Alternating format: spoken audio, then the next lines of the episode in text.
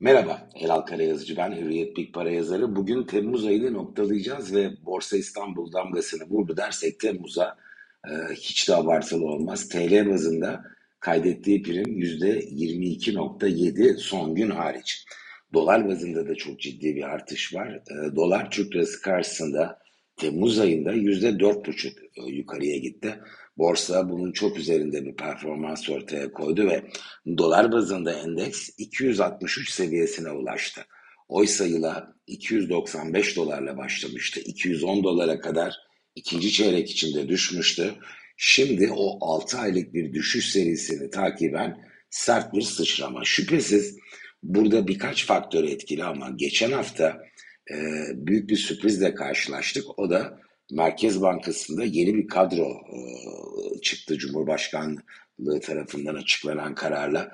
Cevdet Akçay'ın da içinde yer aldığı oldukça iddialı bir kadro ve piyasanın buna verdiği reaksiyonda güçlü pozitif oldu. Şimdi ne olabilir? Nereye gidebilir piyasalar? Hususun genelinde e, döviz kurlarında Temmuz'da gördüğümüz yukarı yönlü seyir devam eder mi?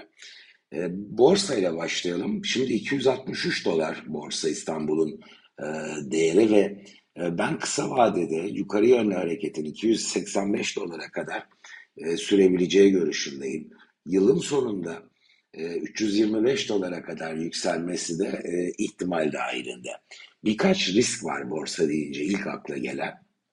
Ama bence en üzerinde durmamız gereken faktör yeni kadrosuyla beraber ekonomi yönetimi önümüzdeki aylarda bir takım adımlar atacak ve o adımların bir iz düşümünü mevduat faizlerinde sert bir artış şeklinde görürsek e, bu BIST adına önemli bir e, dezavantaj olur, frenleyici bir faktör olur.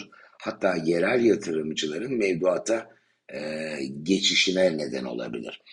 E, geride kalan bir yılda mevduat okyanusundan gelen ve giden bu yatırımcılar endeksin yönü üzerinde çok çok e, etkili oluyorlardı, domine ediyorlardı. Fakat bu değişti. Artık yabancı yatırımcılarla bunu son e, iki aydır çok net görüyoruz.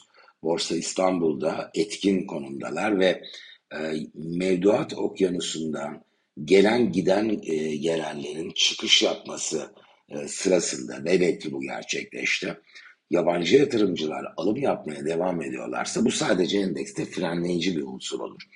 E, enflasyona endeksli bir bono çıkar mı mesela yeni dönemde? Bu da dikkate alınması gereken bir faktör.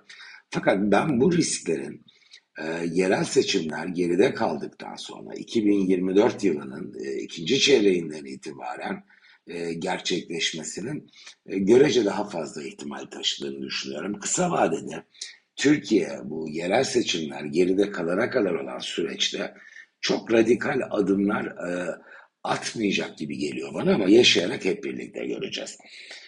Diğer taraflarda neler olabilir? Mesela döviz kurlarında biz bu iyimserliğin bir düşüşe neden olduğu tabloyla karşılaşabilir miyiz?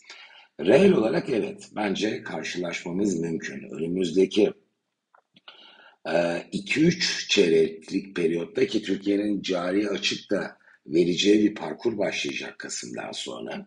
Biz e, Türk lirasında reel %12 kadar e, bir prim ters açıdan bakarsak da döviz kurlarında bir gerileme görebiliriz. Ama bunun nominal kurda bir düşüş şeklinde e, gerçekleşmesinin ben kolay olmadığını düşünüyorum. E, çünkü Türkiye'de aylık enflasyon yaklaşık %4, %5'lerle seyredecek bir süre. Bu 2-3 çeyrek devam edecek.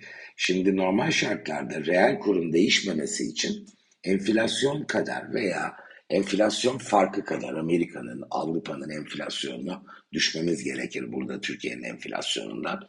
E, nominal kur yukarı gittiğinde bu reel bir artış anlamına gelmiyor. Aslında bir şey değişmemiş oluyor.